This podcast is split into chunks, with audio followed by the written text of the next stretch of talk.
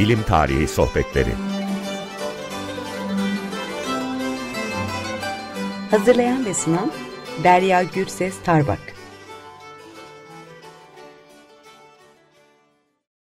Herkese merhaba.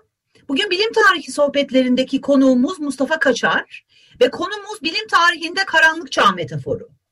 Çok uzun süre bilim tarihçilerini oyalayan bir metafordur karanlık çağ metaforu. Hem doğuda hem batıda. Bugün Mustafa Hoca ile bunu konuşacağız, irdeleyeceğiz e, süremiz yettiği kadar. Ama önce hocamızı tanıtmak istiyorum. Mustafa Kaçar 1979 yılında İstanbul Üniversitesi Tarih Bölümü Osmanlı Müesseseleri ve Medeniyeti Tarihi Anabilim Dalı'nda lisans eğitimine başladı ve 1983 yılında mezun oldu. Ee, aynı yıl İstanbul Üniversitesi'nde yüksek lisans eğitimine başladı ve Osmanlı Telgraf İşletmesi konulu teziyle e, bitirdi programı. 1987 yılında İstanbul Üniversitesi Bilim Tarihi Ana Bilim Dalı'nda araştırma görevlisi oldu ve doktora tezi Osmanlı Devleti'nde bilim ve eğitim anlayışında meydana gelen değişmeler ve mühendishanelerin kuruluşudur. 96 yılında bölümün ilk bilim tarihi doktoru olmuştur. 2013'e kadar İstanbul Üniversitesi'nde değişik görevlerde bulunduğunu e, görüyoruz hocamızın. 2013 yılında kendi isteğiyle emekli olmuştur ve Fuat Sezgin hocamızın yanında Fatih Sultan Mehmet Üniversitesi'nde bilim tarihi bölümünün kurucu e, başkanı olmuştur. Halen bu görevi yerine getirmektedir hocamız. Şimdi hoş geldiniz diyerek başlamak istiyorum Teşekkür hocam. Teşekkür ederim, hoş bulduk. Açık Radyo'da böyle bir programda e, konuk olmaktan memnuniyetimi belirtmek istiyorum. Teşekkür ederim. Biz de çok memnun olduk. İsterseniz konuşmamıza e, ilk sorumuzla başlayalım. Şimdi e, biraz evvel de programın başında söylediğim gibi karanlık çağ metaforu uzun süre bilim tarihçileri hatta hani sadece bilim tarihinde değil genel olarak tarih disiplininde de çok sıklıkla kullanılan bir metafor. E, benim bu konuyla ilgili bir fikrim e, oluştuğu zaman içerisinde. Şimdi bir dönemlendirme çabası yapıyoruz sizin de bildiğiniz gibi. Erken modern dönem, modern dönem, e, modernite öncesi, sonrası gibi. Bu dönemlendirme çabası karanlık çağ metaforunu ortaya çıkardı diyebilir miyiz öncelikle? Ee, öncelikle e, tabii tarih ve bilim tarihi e, bu dönemlendirmeye biraz daha farklı yaklaşım e, sergilemektedirler. Ancak e, şüphesiz ki bilim tarihi bir akademik, akademik disiplin olmadan önce tarih boyunca bilhassa düşünürler bu tarihlendirme konusunda, dönemlendirme konusunda çaba sarf ettiklerini görüyoruz. Aslında felsefenin e, bütün konuları içerisinde gizliden gizliye filozofların e, bu tarih felsefesi üzerine çalıştıklarını hissediyoruz. Zaman içerisinde tabii bunlar ortaya çıkıyor. İnsanların ilk çağlardan itibaren bu geçmişi ve tarihi belirleme noktasında bir çabaları olduğu muhakkak günümüzde de takvimle olan insanın imtihanı devam etmekte.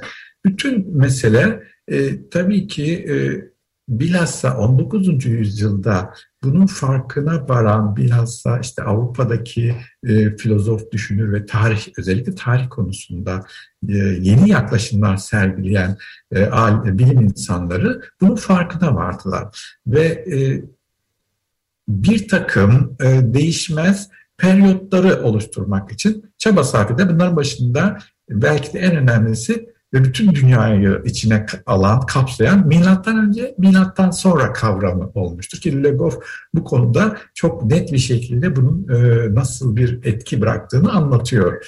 Bu ta, milattan önce peki bizim yani e, İslam medeniyeti ve Osmanlı ve Türkiye erken dönem Türkiye Cumhuriyeti'ne baktığımızda milattan önce e, son dönem yani 1800'ler sonrasında artık tarih kitaplarımıza yerleşmiş durumda.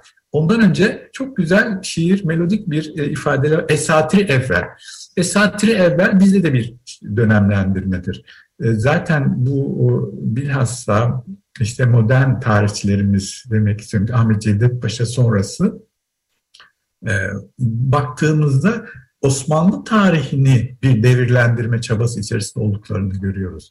Fakat e, tarihi devirlendirme Orta Çağ'a kadar gider. Tabii Saint Augustus'ta görüyoruz ki onun bilhassa e, bu devirlerde e, bir uzuviyetçi tavrı ki bunu İbn Haldun'da daha sonra çok net bir şekilde e, ve e, daha modern bir şekilde açıkladığını görüyoruz. İşte medeniyetlerde insanlar gibidir e, ve doğacaklardır.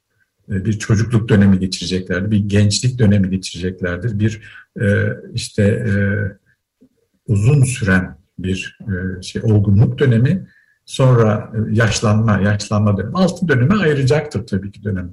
Bütün bunlar aslında daha sonraki tarihçileri e, yakından etkileyecektir ve genellikle baktığımızda bilhassa İbni Haldun bu işe biraz daha günümüz tarihiyle bilimsel yaklaştığında ve tarihin kaynaklara dayalı olarak açıklayan yazılması gerektiğini ortaya koyduğunda aynı uzviyetçi tavrı burada da görmekteyiz. Elbette hmm, ee, erken dönem e, Avrupa'daki tarihçilerde değişik tarihlendirme, dönemlendirme e, yaptıklarını görüyoruz. İşte ilk çağ daha Hazreti Adem'den Hazreti Nuh'a kadar olan bir dönem ve ondan sonra işte e, şey zamanına kadar bu Hazreti İsa'ya olan, kadar olan bir zaman ve ondan sonra Hazreti İsa'dan bugüne kadar olan dönemi bir nitelendirmeye ayırmaya çalışıyoruz. Fakat 1700'lerde, e, 1800'lere doğru baktığımızda biraz da Fransa'da ki bunu Victor Hugo'da da görürüz, e, Diderot'da da e, görürüz.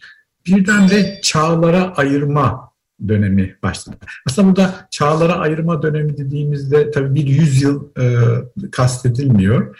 Belli bir dönem içine alıyor. Yüzyıllara da yayılan bir dönemi kapsadığını görüyoruz ve burada ilgi çekici bir şekilde orta çağ, karanlık çağ ifadeleri gündeme geliyor ve orta çağın bitişi de e, Sultan II. Mehmet'in İstanbul fethiyle sonlanıyor. Bu bizim için o kadar bize yakışan bir şey ki çağ değiştiren padişah e, şeyini, e, fenomenini e, veyahut da bu, bu metot şeyi çok iyi kullandık çağ açan, çağ kapatan hala da bu söylem devam ediyor. Dolayısıyla tarihi devirlere ayırmak tahmin edilen ve düşünülenin çok ötesinde bir e, değerli bir şey olduğunu söylemek lazım. Yani milletlerin, ülkelerin, ulusların hayatında çok önemli bir yerde olduğunu söylemek lazım.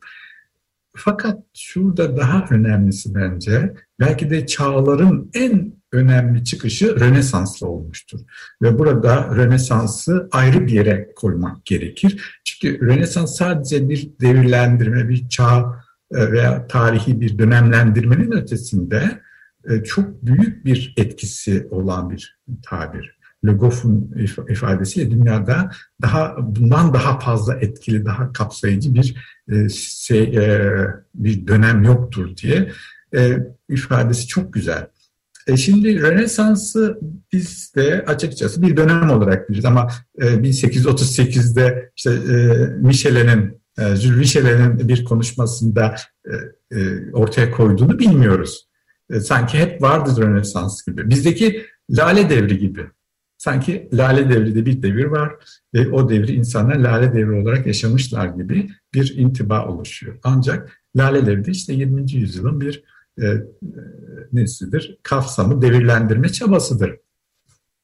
E, bu o, tabii ki Rönesans bir anda Rönesans öncesini karanlık bir çağ olarak insanların e, zihninde oluşmasını, yer etmesini sağlayacaktır. Yani e, ve e, Antik Yunan, Antik Yunan'dan sonra karanlık bir çağ var ki burada Roma'yı ve en az bin yıllık İslam medeniyetinde yok farz ederek nedir? Birdenbire bir Rönesans yani yeniden doğuş dönemi başlayacak ve bu yeniden doğuşun dönemini 16. yüzyılda işte Da Vinci ile başlatacaktır.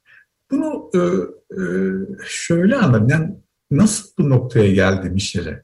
Michel'e de aslında ben, ben bir benzetme yapacak olursam işte 15. yüzyıldaki e, İbni Haldun'un 19. yüzyıldaki bir hali gibi, bir tavrı gibi. Çünkü Michele artık eski tarih kitaplarının veya tarihçilerin e, yöntemlerini bir tarafa bırakıp devlet arşivlerine varıncaya kadar birinci el kaynaklara ulaşmak e, ve ulaşıp ona göre tarih yazma geleneğini başlatacaktır.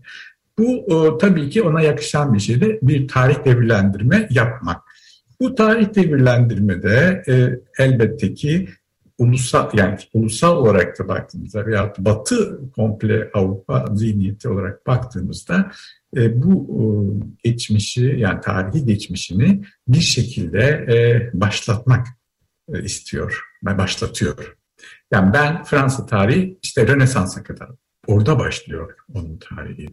E, elbette zaman zaman suni olarak da tarihe e, devirler koymak çabası içerisinde mesela Fransız ihtilalinden sonra takvim bile değişmiştir. Artık milattan önce milattan sonrayı bırakıp devrim öncesi devrim sonrası şeklinde bir tarih devirler. Hatta o 4 yıl, 5 yıl devam edecektir. İşte orada işte devrimin birinci yılı, ikinci yılı, üçüncü yılı diye tarihlendirme yapılmıştır. Keza işte e, Hazreti Muhammed'in e, şeye, Mekke'de Medine'den e, Mekke göçü, Mekke'den Medine'ye göçü de hicri tarihin başlangıcı olarak e, bugüne kadar kullanılmaktadır. Bütün bunlara baktığımızda e, e, milli tarihçilerimiz bir tarih devirlendirme çabasına girdiklerinde Avrupa'nın Osmanlı Devleti'nin kuruluşuna kadar e, ve işte en azından Fatih Sultan Mehmet'e kadar olan dönemi aynı şekilde e, kabul ettiklerini görüyoruz.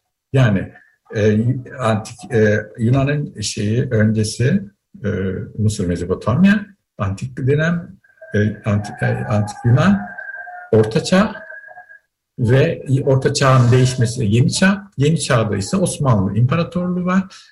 O da yine uzviyetçi bir şekilde tarihlendirilmiştir. Osmanlı Devleti'nin doğuşu, Osmanlı Devleti'nin gelişmesi ve ondan sonra duraklama ve sonra da yıkılış gibi bir e, kısa, belirsiz, belirgin olmayan bir tarih devirlendirmesi yapılmıştır. E, burada aslında özet olarak söylemek istediğimiz her ulus kendisi için dünya tarih devirlendirmeleriyle uygun bir devirlendirme yapabilir ve yapmalıdır. Günümüzde Türkiye e, Türkiye e, özelinde böyle bir devirlendirme ihtiyacı bulunmaktadır. Çünkü muhakkak surette e, batıdaki devirlendirmeye uymak durumunda değiliz. Osmanlı öncesi Selçuklu veya ondan önce İslam dönemi de bu parlak İslam döneminde bu devirlendirme içerisinde yer alabilir. Zira Avrupa için karanlık çağ olarak adlandırılan dönem e, mesela işte İslam döneminde çok farklı bir dönem. Burada bilimsel çalışmaların yapıldığı, bilhassa iktisadi açıdan büyük zenginliklerin ve e, iş dünyası, e, ticaret dünyası, uluslararası ilişkiler, teknolojik gelişmeler, diğer taraftan sanattaki gelişmeler çok rafine bir medeniyetin ortaya çıktığını bize gösteriyor çok e, hukuk alanında, edebiyat alanında, e, mekanik alanda, astronomi, e, tıp ve e, matematik konusunda, optik konusundaki e, bu değerli bilimsel çalışmalar zaten e, yeni dünyanın yani Batı dünyasının bilimsel gelişmesinin bir çekirdeği, bir nüvesi olma vasfını koruyacaktır. Evet, yani çağ, evet e, bir araya girmek istiyorum izninizle. Sizi de yani sözünüzü bölmek istemiyorum ama bir katkıda bulunmak istiyorum naçizane ben de bu e, konuşmanıza. Şimdi e, eğer gerçekten aslında e, hani hem yorum hem soru şeklinde olacak. Eğer gerçekten e, hani dönemlendirme çabası bizim karanlık metafor dediğimiz sizinle konuştuğumuz mesele e, Doğu Batı arasındaki sürekliliği yani e, İslam'ın altın çağı da sonuç itibariyle Avrupa'yı etkilemiştir. Avrupa'da e, yeni çağda hani diğer coğrafyaları etkilemiştir. Böyle bir geçişlilik var. E, hani bunları çok fazla birbirinden ayırma taraftarı değilim ben açıkçası. Global tarih e, sevdalısıyım evet. bilirsiniz e, büyük bir ihtimalle. E, şimdi soru şu, e, acaba yani benim merak ettiğim bir soru. Bu ayrıksama meselesini onarmak için acaba tematik yazmaya özen göstermeli miyiz? Yani demin konulardan bahsettiniz ya hukuk alanında, evet. e, bilimsel gelişmeler alanında, teknolojik buluşlar alanında tematik meseleye girersek o zaman coğrafyalar arası ilişkiler üzerinden de bir e, e, hikaye yazmamız, bir tarih yazmamız. Dönemlendirme yapmamız. Evet hocam. Sizin fikrinizi çok merak ediyorum. Aslında e, yani bilim tarihi söz konusu olduğunda tematik olaya yaklaşmak daha pratik. biz de bu, bunun bu şekilde olmasını bekliyoruz. Hatta yeni bir yaklaşım da özellikle Fatih Sultan Mehmet Vakıf Üniversitemiz Bilim Tarihi bölümünde yerleştirmeye çalışıyoruz. Burada aynı zamanda dönemlendirme de tabii ki bizim için önem arz ediyor. Çünkü İslam dönemi bilim tarihiyle daha çok e, o dönemin bilim eserlerini incelemeye çalışıyoruz. Ve burada e, Fuat Sezgin Hoca'nın, rahmetli Fuat Sezgin Hoca'nın bir İslam'ın altın çağı şeklinde bir e, tabiri var, bir yaklaşım var. Ve bunun da biz aslında dünya e,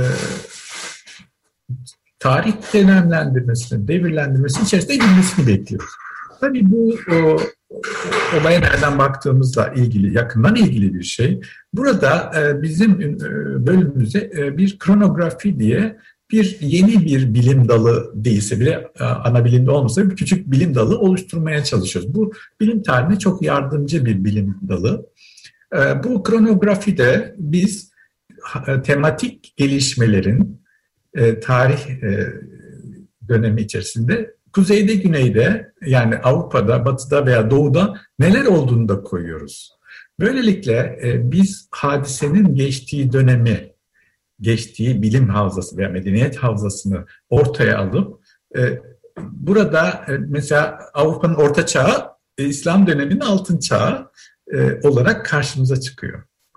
Böylelikle bence global bir şeyde e, en azından 2-3 kademeli bir e, kronografi yapmak lazım. Böylelikle tarihi devirlere ayırmaktan daha kolay olacak ve e, çünkü tarih devirlendirme o kadar etkili bir şeydir ki tüm gelecek nesiller bu devirlendirmelerden çok etkileniyorlar. E, bugün itibariyle dünyada e, Da Vinci'yi bilen, bilmeyen hiç kimse yoktur hemen hemen. Yani 7'den 70'e herkes e, Leonardo da Vinci'yi bilir.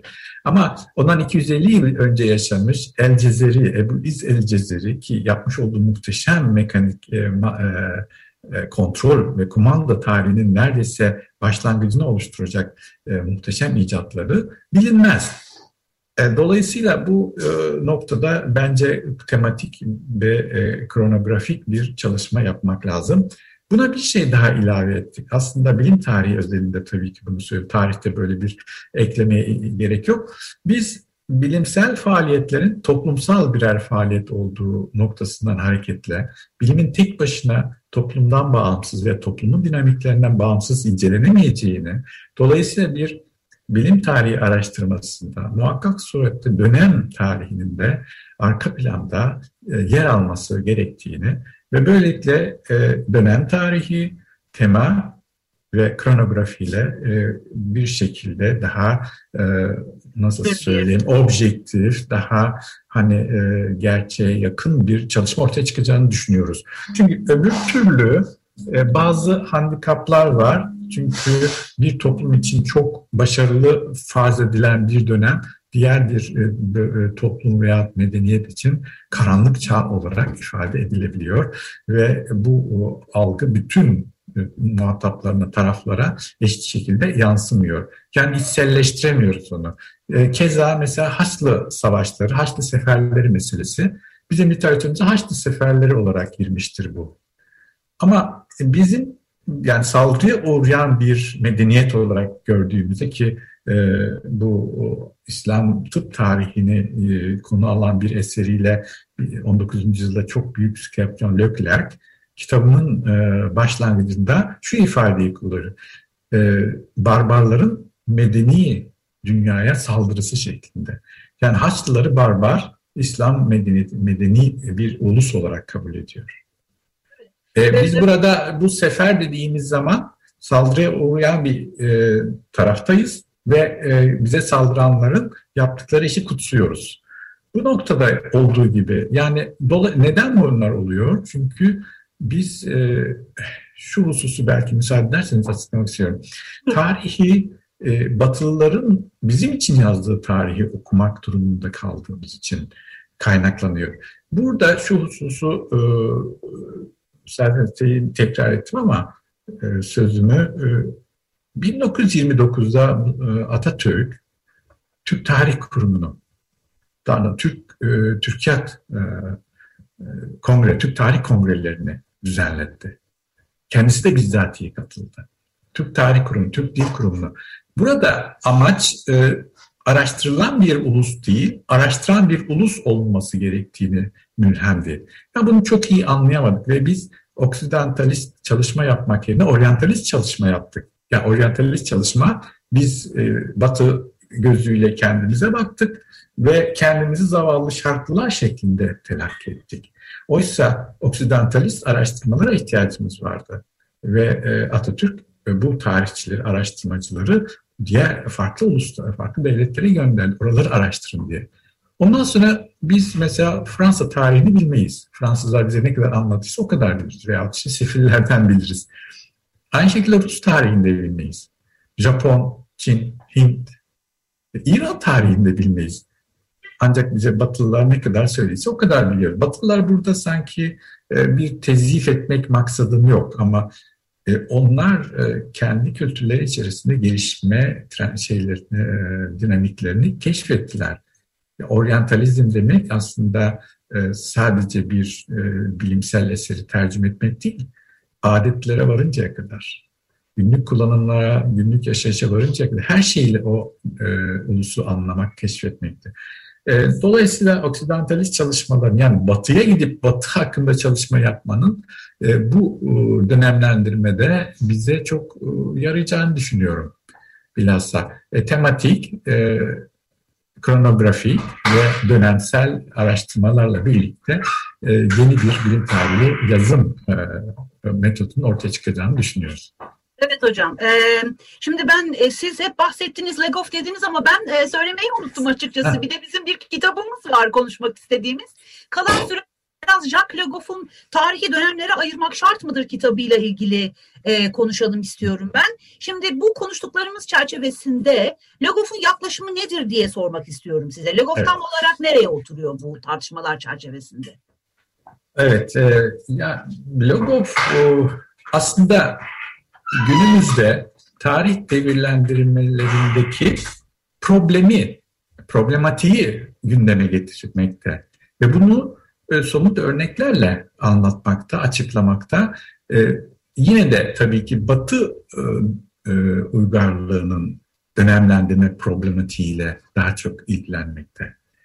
E, Le Goff dediğim gibi burada özellikle işte e, yani önemli dönüm noktası olan tarihçilerin veya bu dönemlendirme noktasında e, dönüm noktası olan tarihçilerden örnekler alarak bu problematiği, problematiği ortaya koymakta ve çok da isabetli tespitleri olduğunu Var, görüyoruz evet. gerçekten.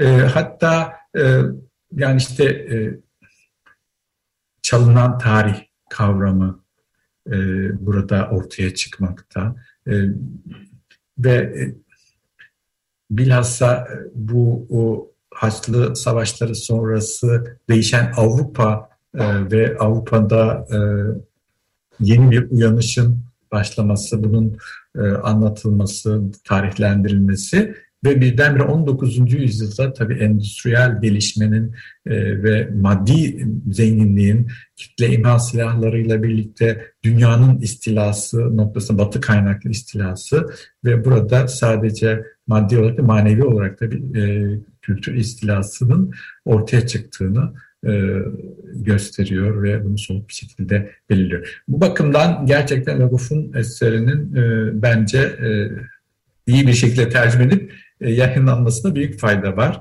E, şey, e, burada tabii Michel'in de e, enteresan yani onun keşfi açıkçası çok çok etkileyici bir keşif. Rönesans keşfi çok etkileyici ve gerçekten dünyayı, bütün dünyayı kapsamıştır. Bu muazzam bir keşiftir gerçekten. Ve tarihte yeni bir uyanışı başlatmıştır. Başlatmıştır. Evet. Ondan sonra çünkü tarihi başka şekilde ele almaya başlayacaktır insanlar. İşte hatta yani determinist yaklaşımlar ortaya çıkacaktır ki günümüze baktığımızda tarih hala bu jeopolitik, coğrafik bir perspektiften e, yaklaşılmakta. Ve ümit ediyorum ki e, daha ileride bu e, devirlendirme değişecek, daha doğrusu tarihe yaklaşım değişecektir. Şurası muhakkak ki bu sözü ben ifade etmek istiyorum çünkü bu söz adeta bana ait diyebilirim. E, tarihçinin hata yapma lüksü yoktur.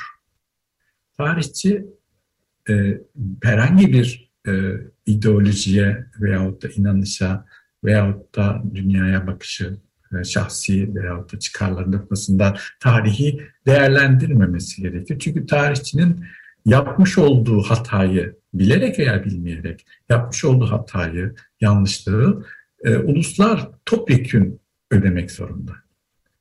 E, çünkü insanlar tarihteki tecrübelerden istifade ederek geleceklerini planlayıp kurguluyorlar. Eğer geçmişimizde anlatımda bir sakatlık varsa bizim planlarımız da sonu muhakkak surette başarısızlıkla sonuçlanacaktır.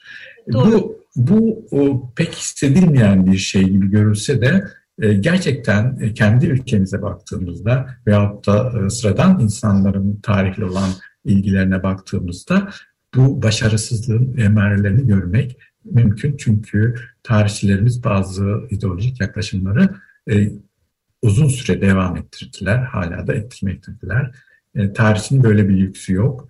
Hiçbir şekilde tarihi bir e, yönlendirme gibi bir hakları yok yani. Çok teşekkür ederim hocam. Rica ederim. Ee, bu sohbet için çok teşekkür ederim. Ee, yalnız süremiz bitti. Ee, bir sefer yani eminim daha e, sizinle konuşacak başka konular da bulabiliriz. Ee, evet. Ve benim global tarih e, dileğime siz de katıldınız. Size o yüzden bir daha teşekkür ederim. teşekkür ederim. Ben de. Ya, tabii problemleri belirlemek işin kolay tarafı. Ee, burada yeni bir yeni bir çözüm getirmek e, burada bence değerli. Yani e, bütün e, sosyal bilimler bunu yapabilirler. Sadece tarihçiler değil mi? Sosyal bilim her alanda tez yapanlar isterler. Yani biz e, tarihi kronoloji sizden bekliyoruz. O temadaki kronografiyi bize verin. Bir sayfa. Burada şu oldu işte diyelim ki e, burada e, farz edelim işte Da Vinci çıktı. Burada e, evet çıkmamız gerekiyor diye mesaj evet, aldım. Evet, tamam. Açık Radyo'dan evet. Hocam gerçekten çok teşekkürler. Rica ederim, ben ee, teşekkür ederim. çalışmalar diliyorum. Sağ olun, çok sağ olun, çok sağ olun. Teşekkürler. Herkese iyi günler. Size de iyi günler.